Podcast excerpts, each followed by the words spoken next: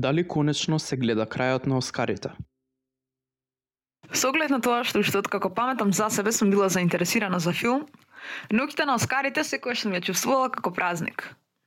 Веројатно токму тоа е и дел од дивниот шарм, кој сега и тоа како го губат, ако веќе не е одамна изгубен.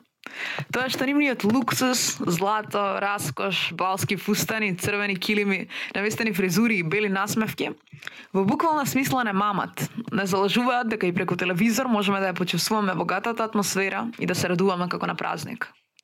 А сепак, како што на пепелашка после полноќ, така тука после цели 93 изданија, магијата се губи. Секако, со моите 18 години не можам да се пофалам дека јас лично сум ги видела Оскарите во екот на нивниот престиж. Наместо тоа, сум ја видела Дженифер Лоренс како се сопнува од фустанот на скали и како прогласуваат погрешен филм за главната награда на вечерта. И покрај тоа, сваќам дека дури и години како 2017-та и 2018-та ги паметам како далеку повозбудливи од она што го гледав предвадено. Не зашто биле кои знае колку добри или интересни изданија, туку затоа што секоја година, без исклучок, квалитетот на и забавата опаѓаат со многу брз интензитет. Меѓутоа, падот на квалитетот и забавата не е причината поради која не само што се губи интересот кај публиката, туку и се гради одредено одбивност кон оскарите како нешто корумпирано, вештачко и застарено.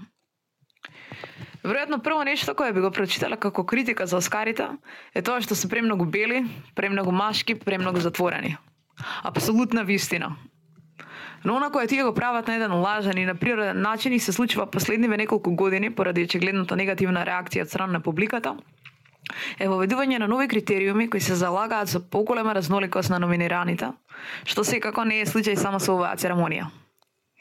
Проблемот не е што се сега поинклузивни, но во тоа што тие со години и децени игнорирале квалитетни филмови создадени од луѓе кои не се дел од нивниот престижен круг од 300 представителни богаташи, а сега, како одговор на општеството кое веќе не прифаќа такви пропусти, за да си ја зачуваат гледаноста, се дуваат себе си со тоа што после речи си цел век им даваат шанса и на оние другите да бидат признаени.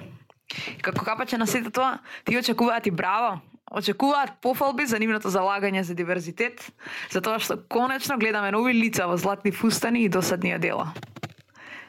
Јасно е дека главното нешто кое е одлика на Оскарите е токму тој снобовски однос.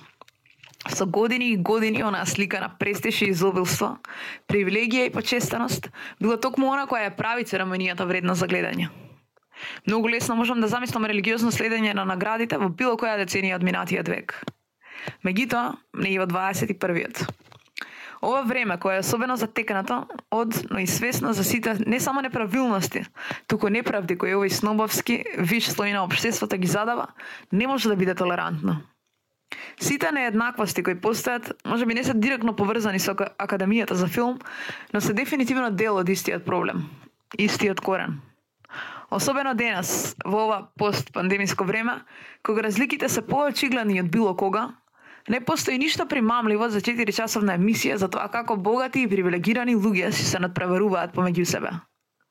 Веќе тоа не е бегање од реалноста во некој поубав свет или во некоја Дизни приказна, туку напротив. Е особено брутално соочување со суровата реалност дека за нив животот не е променет. Тие не се суштински допрени и засегнати од ситуацијата со која веќе цела година наназад се соочуваме. За нив животот продолжува да биде бајка. За крај, Никој не ја доловува суштината на површноста и одвратноста на Оскарите, поубава од режисерот Луис Бонел. Nothing would disgust me more morally than to win an Oscar.